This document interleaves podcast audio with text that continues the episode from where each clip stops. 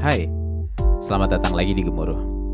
Sebuah podcast yang berfungsi menjadi acuan bagi saya, Maulana Ibrahim, untuk memulai kembali niatan main band-bandan. Di sesi ini Awan lebih banyak memasang topinya sebagai ujung tombak kualitas konten yang disajikan oleh Sun Eater. Sebuah kolektif slash kantor slash startup, branding house slash talent management slash event organizer, uh, whatever you name it. Karena kebanyakan slashnya, saya akhirnya tanya langsung saja kepada orang yang menekuninya secara full time. Sekaligus ngintip dapurnya aja dikit-dikit. Mengingat apa yang mereka lakukan di tiga tahun terakhir ini sungguh membuat mayoritas pelaku industri musik nengok ke arah mereka secara langsung. Minum air putih dulu, dan selamat menikmati. yang karena yang ini sih itu jadi nyambung ke ketika lo ngerasa ini kok anak-anak SMA pada doyan yang gua rasakan ketika melihat eh, apa ya lirik yang kalian lirik yang ditulis dan dinyanyikan di case-nya bom gitu terus melihat respon pendengar yang gue lihat kan kayak kebagi dua ya titik ekstremnya Hmm. yang tua-tua merasa lebih tahu akan menganggap anjing pretensius loh Iya, sementara yang sementara yang bocah-bocah kayak wah ternyata ini kah pendidikan perihal awareness terhadap kondisi negara gitu iya, iya, itu, lu- iya, itu lu rasain nggak? iya, iya, iya, iya, iya, iya, dan itu mulai, ya mulai kepecah lah ya, kayak orang mulai ngeliat, ah, tapi sudah nggak keren gitu. Hmm. Yang Tapi apalagi yang awal-awal multiverse gitu ya, aku lebih suka multiverse, jelas ada yang kayak gitu banget ya. Harusnya Fish tuh multiverse aja gitu. Oke. Nggak usah Itu- ada lah, banyak lah yang kayak gitu komen-komen itu gitu. Lu seberapa concern sama itu? Hmm, cuek lah, maksudnya kayak, ya, ya sama kayak ketika gua ngefans band o- Oke. lain gitu ya sebelumnya kayak wah gue suka banget album ini terus album keduanya gak gue biasa aja ya. Mungkin gue ada di titik seperti fans yang Fish peng, eh, pengennya Fish seperti yang multiverse gitu ya. Hmm. atau yang atau bisa juga orang kenanya di bom yang kayak aduh multiverse gue nggak ngerti ya. Mungkin gue juga pernah di posisi fans yang itu kayak album yang pertama gue nggak ngerti eh tapi yang kedua gue suka nih gitu. Hmm. ada kan kayak gitu ya gue udah pernah merasa maksudnya gue pernah jadi fans musik dan gue tahu rasa dia jadi kayak ya udah emang emang emang ketika dibalikin ke diri sendiri mungkin ini emang saatnya berkembang karena kemarin ya ini ya buat apa juga mengulang hal yang sama gitu banyak banyak musisi ngomong kayak gitu kan ya ya ya gue Hmm. rasakan itu juga sih Itu berarti lu sempat ngepoin analyticsnya nggak sih dari apa eh digital streaming platform gitu? Multiverse kayaknya udah kesalip sama bom jelas dan si multiverse-nya tetap ada ada nggak orang yang balik-balik masih dengerin atau semuanya udah aja bom sampai sampai mana sampai jauh tinggi gitu? kita sempat ngeluarin reissue itu yang Hmm. di remaster yang nggak pak Hmm. kita pikir kesalahan kita adalah menyematkan narasi jadi Oke. lu nggak bisa dengerin ketengan Oke, ternyata nggak juga masih masih nggak masih nggak senempel bom berarti. ya? nggak nggak nggak ternyata ya udah jadi begitu aja Oke, ini apa? Nah, gue agak penasarannya kan tadi lu sempat bilang pas si Multiverse sebenarnya rilisnya sama si Leeds gitu, tapi sebenarnya yang yang naroin eh albumnya di eh, maksudnya si albumnya kedaftarnya sebagai eh, apa labelnya sama si Sun Eater gitu. Itu Sun- sama Sun Eater tuh kalian gue kan kurang maksudnya gue gue gue sempat tahu-tahuan sama Kukuh zaman di Bandung Hmm. beberapa tahun gitu tapi nggak tapi nggak pernah nggak pernah nge bahwa si Kukuh bikin ini gitu. Nah ceritain dikit dong Wan. Sun Eater itu itu adalah Kukuh udah jadi dulu baru ngajakin kalian join atau kalian sebenarnya bikin bareng-bareng? Oke jadi waktu itu kita bom waktu itu ko- kontrak sama Lead selesai sign album terus digitalnya waktu itu kita dimasukin sama Karma Records. Hmm.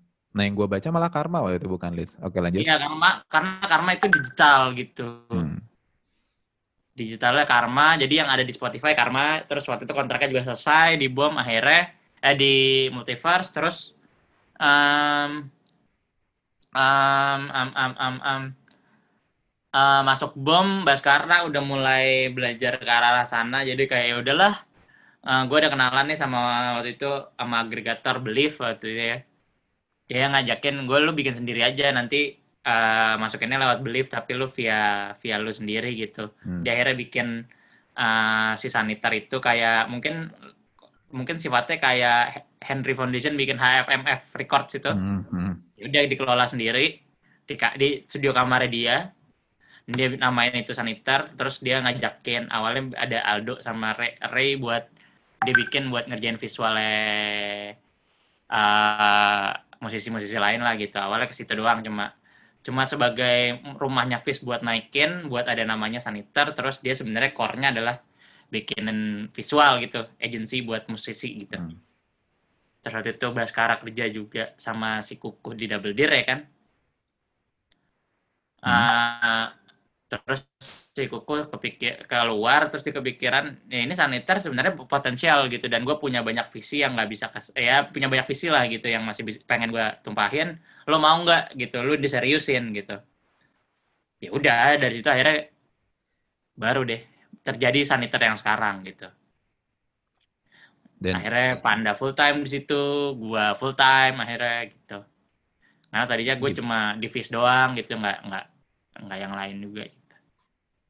Berarti kalau misalkan boleh diceritain dikit dong kan kayak si secara visi gitu emang Saniter itu tuh bisa disebutnya apa ya? Emang talent management atau eh atau branding house bagi musisi gitu?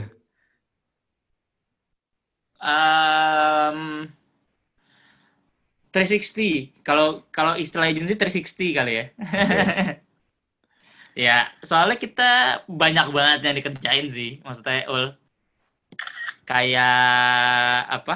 Em, offline event iya, Hmm. ada field marketing yang ngerjain. Ini yang lari panggung, segala macam talent management talent management ada. Terus eh ya konten tim konten dan marketing untuk saniternya dan musisi lainnya ada. Terus tim partnershipnya juga ada. Terus produksi merchandise juga di kita dan ada A&R yang pro- ya produce produce lagu lah gitu. Jadi Oke. menyeluruh gitu mulai dari musiknya digodok sampai musiknya keluar sampai dijual lagi ke pihak lain kita ada gitu ibaratnya gitulah Oh jadi musik musik pun juga kalian kerjain juga ya? Karena gue sempat mengira bahwa oh ini urusan musikalnya dibiarkan nggak di maksudnya dimiliki oleh eh, artisnya masing-masing gitu enggak ya? Oh iya memang memang cuma kita lebih membantu A&R di sini lebih kayak apa ya mengarahkan aja sih maksudnya kayak Hmm. lebih lebih ngejagain lah gitu yang kayak produksian lo harusnya begini nih gitu tanggal submitnya di sini gitu lebih ngejagain timeline sih gitu Oke. Cuman Dan secara artistik artistik musiknya emang nggak nggak sebegitunya gitu. ya? bebas bebas bebas gitu Menarik. Jadi total berapa nama sekarang di Saniter? ada ada lima Lo, eh, si Fish, eh, Mother nih gue tahu ya. Terus si Mantra, si, si Hindia enggak, dihitung juga ya. Eh, oh Mantra udah enggak? Eh, atau emang enggak dari awal? memang memang tidak jadi Oh, itu wow, orang suka salah sangka itu Ya, karena mereka termasuk gue. iya dan dan oh dia nitip distribusi sempat nitip distribusi Oke. kali Jadi lima tuh siapa aja? Lima tuh Fish Hindia Madun Agatha Priscilla sama Adrian Rishad Hmm, masih Aldi. Itu apa ya? Secara kalau kalian ngelihatnya emang yang yang dibawa yang diajakin masuk itu itu sini maksudnya itu apakah emang tongkrongan terus kayak udah yuk bareng sama gue aja atau emang udah ada in a sense professionally kalian ngelihat kalian udah mulai talent scouting gitu kayak anjing ini oke nih terus ajakin gitu. Iya. Untungnya kita ada di satu circle dan ketika melakukan talent scouting yang kita butuhkan ada di circle kita. Oke. Jadi nggak usah ribet-ribet iya, kecuali Aldi itu agak di luar circle tapi akhirnya ketemu Baskara di satu event kampus lah waktu itu. Dan kayak anjing lo bisa nih gitu. Ya udah, gitu lo mau nggak? Ya udah. Madden masih main bareng di satu tempat yang sama waktu itu di Soundpol tempatnya Tama dia rekaman Hmm. itu juga. Prisil Arbox itu kenal dari mana ya? Gue lupa juga deh. Coba sekarang kenal dari mana? Gue nggak tahu deh. Terus ya udah sisanya Hindia sama sama si itu kan? Iya si Prisil India ya kita kita juga ya udah. Jadi waktu itu kayak gue cuma gue nggak pengen di satu satu segmen doang pengennya broad gitu waktu itu uh, plan awalnya jadi kita bisa kena semua market gitu ya gue Hmm. pengen ada solois satu cowok solois satu cewek band yang kir yang alternatif banget, yang butik banget ada, yang buat offline-nya banget ada, maksudnya kayak Fish gitu ya waktu itu sebagai band yang hmm. manggung banget gitu. Ya udah itu akhirnya terjadilah gitu. Berarti kalau kalau eh sekarang role lu di Sun Eater adalah sebagai uh, marketing dan konten. Oke. Okay. Communication dan konten. Di anak-anak Fish lima-limanya apakah semuanya di Sun Eater atau hanya beberapa doang? Tinggal Diki yang enggak. Cuma Diki dia lebih ke internal Fish ngurusin duit. Oke. Okay. Jadi emang emang passionnya ngitungin duit aja gitu. Iya, iya gitu sih. Nah, gimana cara lu menjaga gimana ya? Maksudnya kan ketika ketika udah juga ngurusin band yang lain gitu atau musisi-musisi lain gitu, gimana caranya lu menjaga profesionalitas di ketika karena salah satu talent yang lu urus ada lu sendiri gitu. Itu ada ada kesulitan nggak atau atau ada cerita menarik ketika lu melakukan hal tersebut? Uh, lumayan lumayan. Justru gue belakangan yang ya bukannya gue ngalahin yang lain untuk fish ya. Mm-hmm. Gue sempat beberapa kali ngalahin fish untuk yang lain. Oke. Okay. Kayak ada slot konten di saniter gitu ya. Itu ini sebenarnya jelek juga sih. Harusnya kalau artis lain gue taruh gitu yang kayak lu bisa promosi bikin ini kalau sedangkan fish kayak adalah fish nggak usah lah ntar aja lah gitu. Oke. Okay. Gitu. Tapi sebenarnya itu ada faktor kayak ngerasa, oh ya udahlah, in a way face-nya pun uh, number of uh, listener sama engagement rate-nya jauh lebih tinggi ketimbang yang lain atau ada perasaan gitu juga mungkin. Iya, ada gitu juga ada kayak gue belum selesai nih nggak, maksudnya gue belum berhasil untuk bikin yang lain naik gitu ya di luar Hindia dan Fish gitu. Hindia kan hmm. emang udah jalannya begitu gitu. Jadi kayak, ayo dong push yang lain dulu aja gitu. Gitu. Itu gue sempet, gue kemarin-kemarin kan sempat ngomongin gini Wan sama si beberapa masih orang-orang yang gue tanyain kemarin-kemarin gitu. Hmm. Kayak kita tuh sebegitu kagetnya sama Sun Eater, gue pribadi ya maksudnya. Uh. Jadi jadi kan cerita cerita backgroundnya emang adalah gue gue dulunya anak band, memutuskan hmm. untuk udahan main band dan udahlah anjing kerja aja. Terus tiba-tiba eh ngeband lagi deh gitu.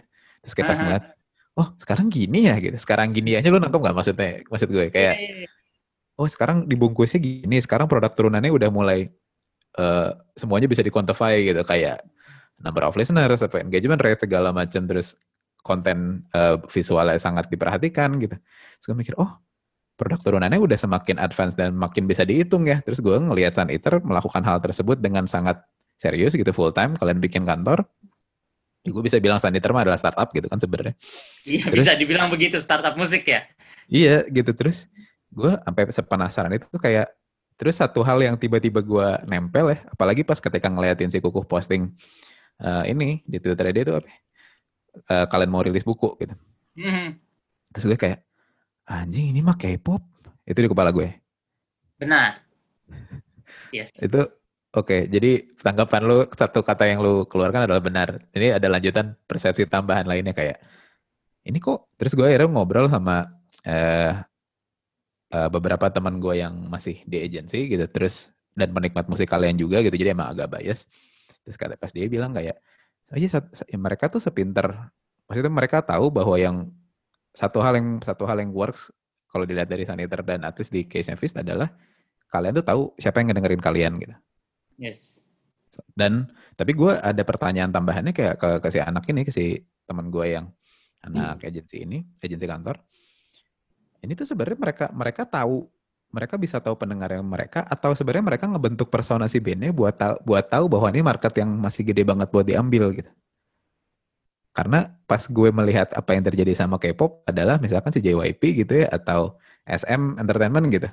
Mereka kan set of talentnya kan beda nih. Oh ini ada yang iya. buat SMA, ini ada yang buat uh, truist banget musik banget gitu. Ini ada yang buat nyari yang cakep-cakep doang, ini ada yang buat nyari dance doang gitu gue melihat pas ngeliat Sun Eater, pas ngeliat list talentnya, terus dan dan lu menceritakan barusan gitu, Fish yang manggung banget, ini yang butik banget kayak, iya anjing beneran kayak pop nih jadinya. Maksudnya gue mengasosiasikan ke situ gitu. Apa emang, maksudnya lu merasa memang apa bener gak bahwa kalian terinspirasi atau atau in a way belajar dari sana gitu? In a way belajar dari sana sih. Karena beberapa di antara kita lumayan lekat dengan yang ngefans sama K-pop lah ya, jadi hmm. lumayan banyak belajar yang kayak di sana tuh gini tahu belajar sana tuh gini dan mau nggak mau ya kita harus akui mereka tuh emang maju banget cara jualan Berhasil, produk berhasil. Wah, orang gila sih emang kayak jual apa aja bisa gitu. Hmm. Ya berarti kan sebenarnya ada boundaries boundaries yang bisa lo tabrak di situ yang selama ini nggak nggak bisa kita lakukan. Jadi kalau gue bisa bilang mungkin semangatnya apa turunannya ke situ, tapi secara secara role apa ya kreatif gitu ya. eh salah satu influencer besar kita adalah 88 Rising. Hmm. Oke. Dal- Di satu dalam lagi mau menghadapi nyebut itu tadi. itu ya. Jadi lu bayangin K-pop mix sama 88 Rising dan feature klasik gitu ya, secara konten Feature klasik. Oke. gitu. Jadi itu ya maksudnya dan gue juga kan mulai gue tuh lagi mikir-mikir ya nih di Indonesia lah at least siapa lagi ya yang role seperti ini. Sebenarnya kan bisa dibilang nggak ada ya gitu. Atau Hmm. misalkan nggak ada at least kalian pertama at least itu yang gue tahu. Terus dan gue juga mikirnya kayak oh ini mah tulang tulangnya juga harus kuat. Dalam artian emang si talenta musiknya juga harus emang jadi gitu. Maksudnya jadi itu kayak kualitasnya bagus eh, dan orang dan orang yang nikmatin banyak gitu. Karena kan misalkan apa ya packaging produk turunannya sebagus apa pun tapi core produknya yaitu musiknya ternyata blee kan tetap aja sama aja bohong gitu kalau menurut gue. Benar. terus gue kayak sempat sempat mikir ini sih Wan. Kayak lu punya kekhawatiran nggak ketika ada pendengar lo at least di case Fist ya merasa kayak eh, udah terhiburnya sama produk turunannya aja gitu instead of si core produknya itu musik kayak misalkan oh ini gue eh, kayak kemarin gue sempat bertanya ini ke si Aldet gitu Hills gitu lu pernah nggak ada kondisi di mana lu ngerasa takut? Di mana sih pendengarnya kayak udahlah lu mah nge-tweet aja gitu. Lu shit posting Hmm. aja ketimbang main band gitu. Nah di case-nya Fizz ada ada ketakutan itu nggak? Kayak saking sebegitu karena persona kalian sebegitu kuatnya dan produk turunannya sebegitu diversified lu ada kekhawatiran nggak bahwa anjing musik gua udah nggak sebegitu liriknya at least percentage of attention si pendengar lu udah terhadap musik yang asal 50-60% jadi cuma 10% gitu lu takut nggak? Enggak juga sih, in a way ya, ya ibaratnya ya produk turunannya juga sebenarnya adalah, ya ini pragmatis, pragmatis ini aja ya kita berpikir pragmatis gitu. Hmm. Ketika lu dibeli produk turunannya, lu tetap earn money from it gitu. Jadi kayak Hmm. kayak gue sih nggak masalah juga gitu ketika orang justru eh anjing bajunya Fish tuh keren ya gitu ya udah gue beli bajunya deh tapi nggak dengerin musiknya Musiknya. ya nggak apa-apa juga gitu toh sama-sama menghidupi gitu Hmm. dan buat gue ketika orang beli itu ada kemungkinan mereka akan membawa baju misalkan ya orang pakai baju Fish gitu ya ke orang lain yang mungkin nggak terpapar Fish Hmm. Tapi jadi nanya ini apaan nih gitu terusnya Iya, jadi sendiri. ini apaan nih gitu. Adalah band gitu. Selalu ada poin itu sih. Jadi justru ketika produk turunnya laku, selalu ada kemungkinan buat bu- at least ini buat gue ya. Selalu ada Hmm. kemungkinan lu akan mempunyai pendengar baru Oke.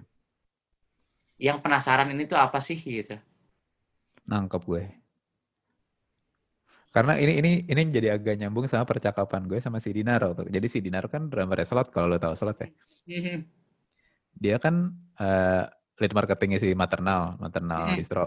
Hmm. Ya, gue gua bertanya hal yang serupa terus si Dan si Dinar kayak anjing gue masih takut eh maksudnya gue masih pengen musik gue duluan yang nyampe gitu. Hmm. Terus gue gue ngomong ke si Dinar gini, "Nar, tapi kan musik mah intangible, hanya angin dan gelombang suara gitu.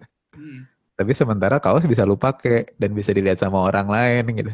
Terus si Dinar kayak langsung anjing ya juga ya. Dan maksudnya itu itu yang apa ya? Yang gue melihat somehow kalian sudah menyadari aspek tersebut ketika musik udah hanya udah cara orang mengkonsumsinya udah bener-bener s- streaming platform gitu. Yes. Beda hal ketika mulai ke CD atau vinyl gitu ya. Itu kan masih ada sense of megang gitu fisiknya gitu. Tapi udah ketika cuman streamingan dan lu bisa skip kapan aja, kalian gerak duluan untuk menjaga si produk turunannya juga bisa dijual gitu. Gitu nggak sih Hmm. sebenarnya? Yang kalau yang bisa gue Iya. ambil kesimpulannya. Iya, iya begitu. Karena Mantap. kita sempat baca-baca juga ya maksudnya. Kayak banyak lah dulu kayak gue lupa artikel di mana gitu yang kayak sebenarnya musisi tuh sekarang di era kayak gini lu udah nggak bisa jualan CD fisik gitu ya. Hmm. Ya kan nggak kayak dulu sukses diukur sebagai lu platinum dan teman-temannya gitu. Kopi gitu. Ya berapa juta kopi gitu. Ya cara caranya lu bertahan hidup adalah menjual merchandise gitu dan itu yang gue pelajarin juga dari band-band senior semacam Seringai gitu. Hmm. Lu jualan apaan aja laku coy gitu. Sering emang jadi distro juga pasti laku. Iya dan orang tuh nggak nggak ngerasa kayak anjing nih band cuma dagang ini doang, tapi lebih kayak anjing gue pengen punya sesuatu dari Seringai karena gue punya sesuatu dari Seringai, gue mendengarkan Seringai dan gue datang ke konsernya. Oke. Mindset mindsetnya begitu mungkin ya. At least buat gue gitu. Gitu. Jadi kalau misalkan kalau boleh buka-bukaan dikit aja, kalau diurutin eh, kontributor terbesar yang bikin dapur ngebul satu dua tiga urutannya apa aja kan? Misalkan merchandise, ini ngomongin pre corona ya, merchandise, panggung dan eh, apa play rate gitu dan lain-lain. Kalau diurutin satu dua tiga apa yang paling kontributor? Satu dan dua itu adalah manggung dan merchandise. Oke, itu bedanya jauh atau beda dikit? Lumayan mirip kalau line-nya dulu. Kalau dulu Hmm. ya sempat ada ada kondisi yang lumayan mirip gitu. Kalau sekarang ya tentu 70% ada di Hmm. merchandise gitu. Dan itu yang Dan- membantu ya kalau buka-bukaan lagi ya itu salah satu core-nya si Saniter itu. Hidup nih dari situ gitu. ini juga gue jadi agak nanya dikit ke eh itu pas tadi lu bilang contributing kan mungkin lebih ke grossnya gitu ya. Kalau misalkan gue mikir hitungan investmentnya, si panggung kan berarti adalah apa ya kalau gue bisa bilang modalnya kan adalah kesehatan kalian gitu, kewarasan kalian, plus eh, apa ya backdrop, lightning, eh lightning lagi kan petir, lighting sama si siapa ya, eh eh, tim produksinya gitu. Ya, Sementara kalau misalnya merchandise kan ya mungkin adalah desain dan eh, ya si COGS orang bikin kaos dan produk Hmm. lainnya gitu. Nah, ketika ngomongin merchandise gitu, kan gue ngelihat kemarin belakangan kalian udah mulai eh X-Xan sama beberapa brand gitu ya. Mm. Itu gue yakin kan gak mungkin cuma satu dua gitu yang ngajakin kalian eh, kolaborasi. Pertanyaan gue lebih ke seberapa deep kalian mengkurasikan si brand-brand mana yang bisa nempel sama kalian gitu. Hmm, lumayan, lumayan, lumayan. Lumayan. Wan anjing ini obrolannya jadi serius gini sorry ya. Iya, nggak apa-apa sih. Lumayan lumayan gimana? lumayan nggak nggak nggak terlalu ini juga sih. Ya kebetulan ada opportunity-nya kalau kalau ke brand ya, Hmm. gitu. So Kalau ke far brand kayak kebetulan waktu itu Brodo tap in, kebetulan sih ini tap in mau ya udah gitu. Kita belum pernah juga gitu. Dan kebanyakan kita sebenarnya trial trial and error yang syukurnya lumayan banyak berhasil ya. Oke. Nah itu Iya, ada juga sih yang nggak terlalu works gitu. Cuma kita udah pernah nyoba at least gitu. itu berarti ini ya, enggak gua agak penasarannya adalah eh spot man ap- apakah semua spot produk turunan kalian akan bisa di X-Xin sama beberapa brand atau akan ada beberapa aspek yang kalian jagain murni nih, cuman gua doang bisa mengontrol gitu. Gimana gimana gimana? Tadi kan urus masih urusan merchandise nih akhirnya bisa bisa ada brand yang nempel gitu. Hmm. Nah, pertanyaannya lebih ke di produk turunan lain apakah semuanya akan buka terbuka possibility-nya untuk ada brand nempel atau akan ada atau lu punya beberapa unit produk yang emang lu jagain biar murni gitu. Ini mah ini jangan diganggu gugat ya, hanya hanya kita doang gitu. Karena gue Hmm. nggak kebayang misalkan lagi live tiba-tiba kalian ada logo gitu di belakang chat katilak gitu kan gue nggak gue nggak tahu ya. Ada nggak maksudnya ada ada yang bakal lu maksudnya lu pagerin lah ini mah nggak mungkin di ini nggak boleh lah sama brand gitu. Oke. Jadi lebih ke kalau kepengennya mah. Hmm. Jadi saniter bikin sesuatu, lo mau nggak support? Bukan bukan bukan klien ya jatuhnya kayak lo mau nggak support tapi bersih nih lo Oke. placement sesedikit mungkin tapi lu punya produk ini gitu ada lu nih di sini gitu sih lebih ke kita jualan idenya emang kita punya ide ini nih lo mau nggak support gitu bukan yang kayak Jadi lu nya nggak ngangkang-ngangkang banget lah ya ibaratnya. Iya, bisa dibilang gitu. Hmm, Ada mantap. ada saatnya memang kita berkompromi ya, mungkin kayak oh ini project yang uh, branded banget, mungkin saniternya nggak usah kelihatan gitu. Ada ya kalau lu lihat sekarang mungkin ada ya, ya kayak ini kayaknya brandingnya ini banget nih gitu. Hmm. Tapi justru kitanya nggak muncul. Tapi kalau begitu kitanya muncul, pokoknya kasus bisa mungkin kita adalah platform mereka untuk ini. Ya kita adalah adalah konsep utamanya gitulah. Gue punya ini lah, lo mau nggak gitu? Kalau nggak mau ya udah gitu. Pokoknya Jadi gimana caranya kita tetap bisa berdikari. Nggak nggak ada perasaan ditempelin gitu ya. Mm-mm. Ya kalau lo mau support syukur gitu. Gue kasih spot nih. Tapi ranah lo segini aja ya, lo nggak boleh ini, nggak boleh ini gitu. Kayak showcase gitu sih Here Comes the Sun gitu ya. Hmm, hmm. yang sebelumnya gitu itu kan sama sekali kita independen tuh nggak ada nggak ada yang nempel akhirnya cuma ketika perayangan bayangan ada sempat ada radio waktu itu yang tap in dan lumayan waktu itu kayak lumayan at least kayak menutup beberapa production cost lah ya. Ya di panggung mah bersih gitu nggak ada nggak ada branding gitu. Tapi di luar ya oke lah gitu. Dan mungkin kita bawainnya lebih ke konten turunan kayak lo kita bisa bikin konten apa nih sama dia yang untuk komplementari dia untuk kerja sama ini gitu. Gitu. Jadi ini ya yang apa ya? eh, darah agensi lu bener-bener dipergunakan seutuhnya gitu ya dalam dalam menjalani ini.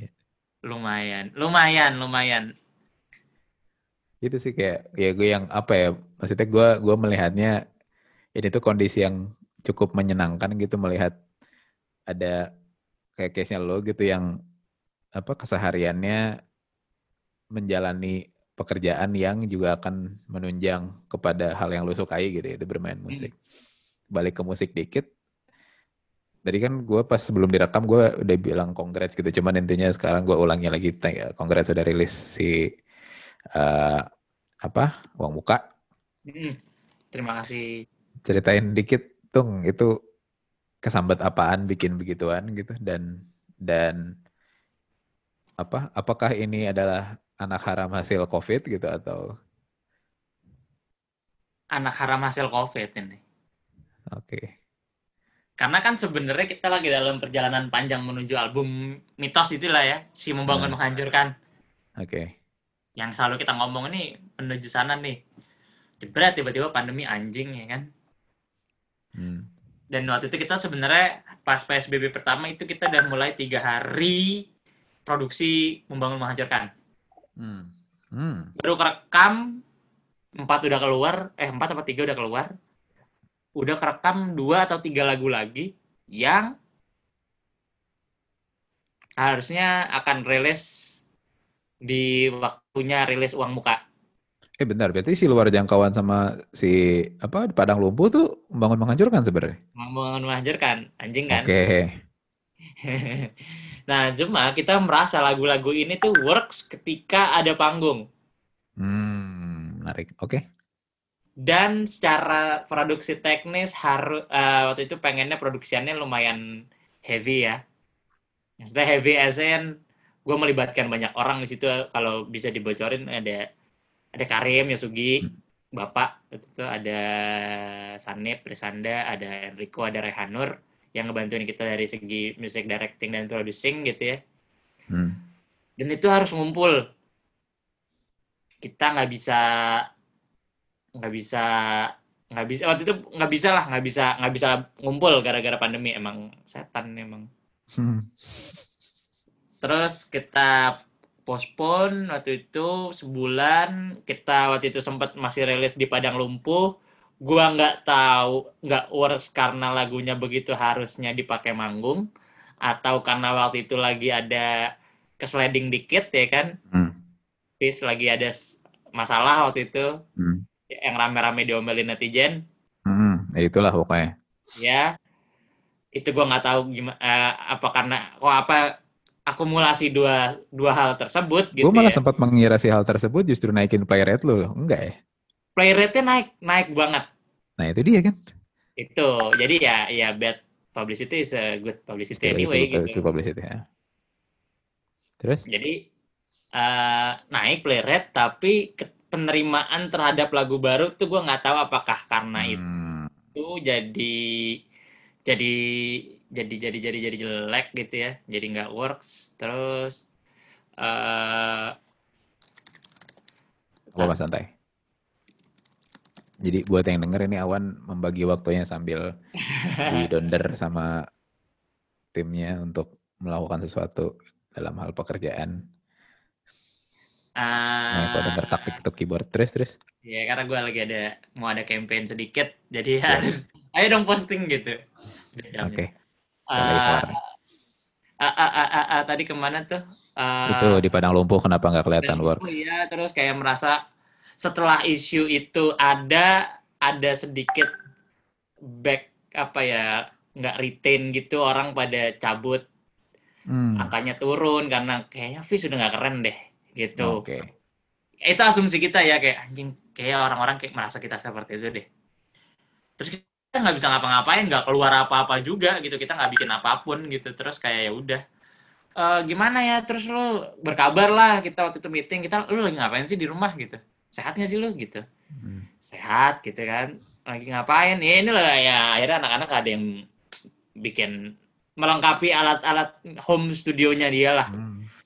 Itulah ya Tokopedia menjadi ya apa? cicilan 12 bulan Iya. ya maksudnya Oh, jadi tuh, iya. lagu itu dari situ bahkan. dia dari dari banyak inilah gua oke. kebanyakan belanja Lanjut lanjut. terus eh iya dari situ nanya-nanya iya nih gue lagi ngedalamin gini ngedalamin gitu iya nih lagi explore di AW waktu itu kan banyak oh yaudah bikin sesuatu yuk lepasan single awalnya tadi mau single apa double single sekalian aja ini mah kan ada lima nih orangnya lu nulis nulis juga Hmm. lu nulis nulis juga ya udah eh, mau nggak eh, bikin mini album lima lagu dari dari lima lima personil gitu. Kerja kelompok lah ya. Iya, ya udah akhirnya satu orang menjadi satu produser, satu orang memegang satu lagu dan jadi satu dan jadi produser kayak gitu konsepnya. Hmm. Gitu. Nanti kalau eh kalau gue urutin tuh si dapur tuh siapa? dapur keluarga itu Baskara, Ah, terus komodifikasi itu Adnan, Adnan. gua cicilan 12 bulan, Diki Belalang Sembah dan Bodat itu kembali, ke Kembali. posisi masing-masing. Oke. Karena salah satu yang mencuri perhatian gue justru malah si track terakhir gitu, kayak si Bulan nyanyi. Hmm.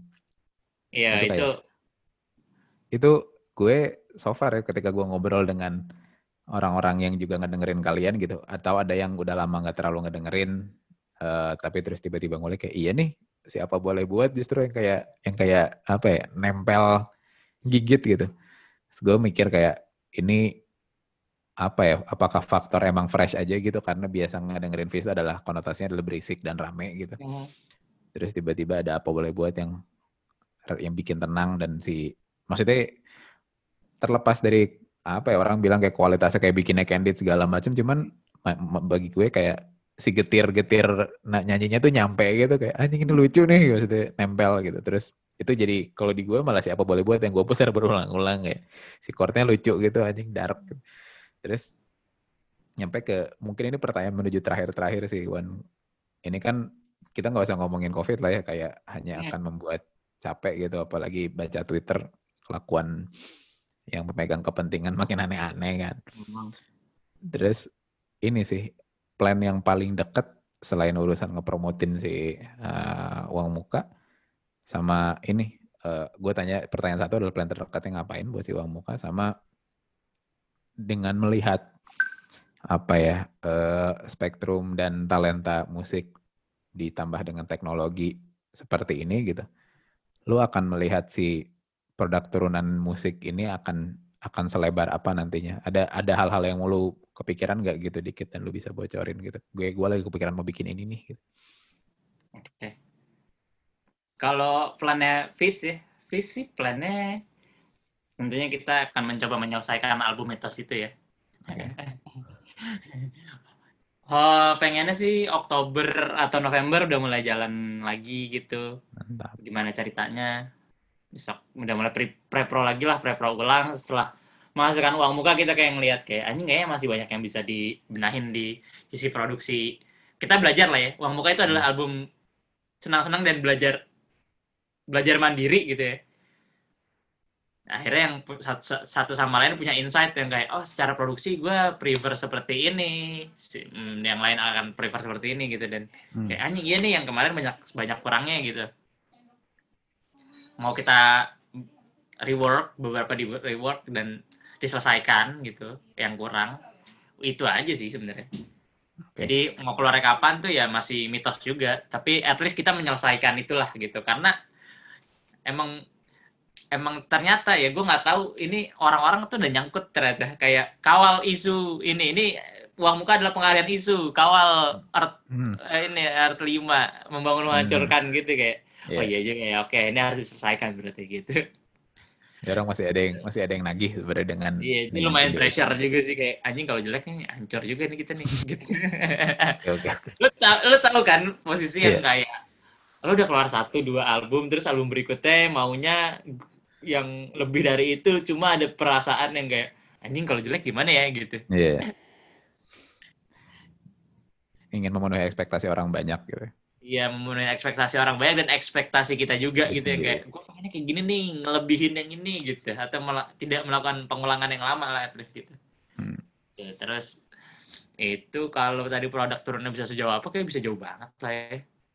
Bisa. Ya kayak se se, se ekstrim tiba-tiba bikin buku gitu.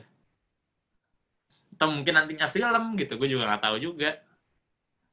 Iya, kayak itu sih urusan si buku juga.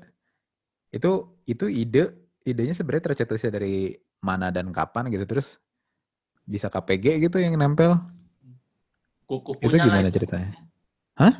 kukuh punya. yang eh kukuh punya lah itu kalau itu ada kuasa kukuh di situ lah gitu Oke. Oke deh. Mungkin ini sih pertanyaan paling apa eh terakhir gitu sebelum Hmm. sebelum kita menutup sesinya. Ini sih Wan kayak gue kemarin nanya ke beberapa anak-anak karena kan gue lagi kesulitan anjing ini Spotify itu banyak banget band baru ya sampai gue pusing Yes. gitu pengen ngedengerin yang mana gitu.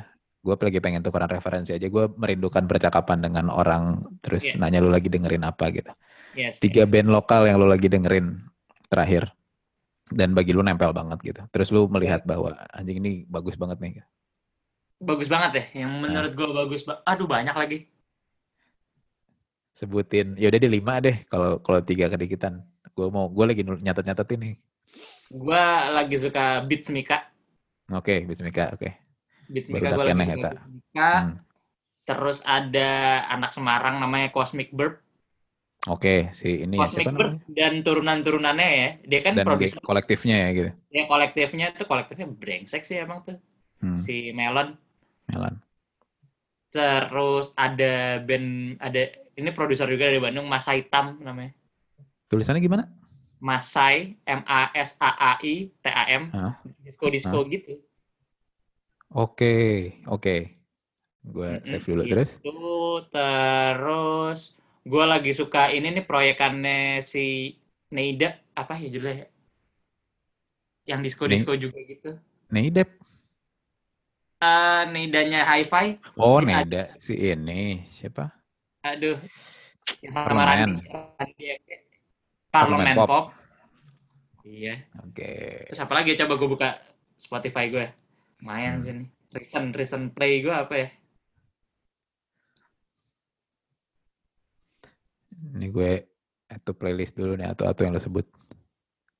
kalau lu suka yang agak kencang Amerta keren sih buat gue Omer tuh bagus banget ya gue dengerin. bapak pastinya bapak Nah, terus itu itu sih so far.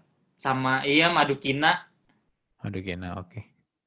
bagus sih bagus bagus lagi bagus bagus terus kayak ya ya teman-teman dekat gue maksudnya kayak Dias Nyagras Kaca bikin Tradeto buat gue bagus banget. Denisa. Hmm. Rehanur ya Rehanur udah menembus batas itulah ya menembus batas obscure deh Hmm. Udah nggak obscure obscure amat. iya itu sih so far oh Siap. sama ini anjrit itu ada band keren banget namanya apa ya waktu itu gue nonton abis lu manggung Si ini, maaf, eh, Mas, anjing ma, lupa lagi. ma, ma, ma, apa ya Iya gitu-gitu namanya move maaf Ya Allah, kok lupa sih gue. Gue gue gue Iya. kenal orangnya. Itu keren banget buat gue kayak Ya, itu bagus ini banget ya. Itu hidden treasure beneran hidden treasure tuh. iya itu sama Hmm. Mad Mad Men Oh, Mad Pen ya, oke. Sip. Mad Mad Men brengsek. Oke. apa itu ya namanya ya? Ini, Mo- tar, tar, tar, tar, tar. Pasti Satu ada, pasti ada. satu huruf oh sama gue suka lagi suka banget ini Arya Novanda sih Arya Novanda tuh yang kayaknya gue pernah denger deh. gitaris gitaris blues Hah? dia bikin proyek solo gitu psychedelic soul ada diskonya juga itu tai Ah, iya iya iya iya pernah lihat gue. wah itu itu top top top lah itu gue gue titik titik nyaman gue emang mendengarkan musik itu sih terus kayak Oke.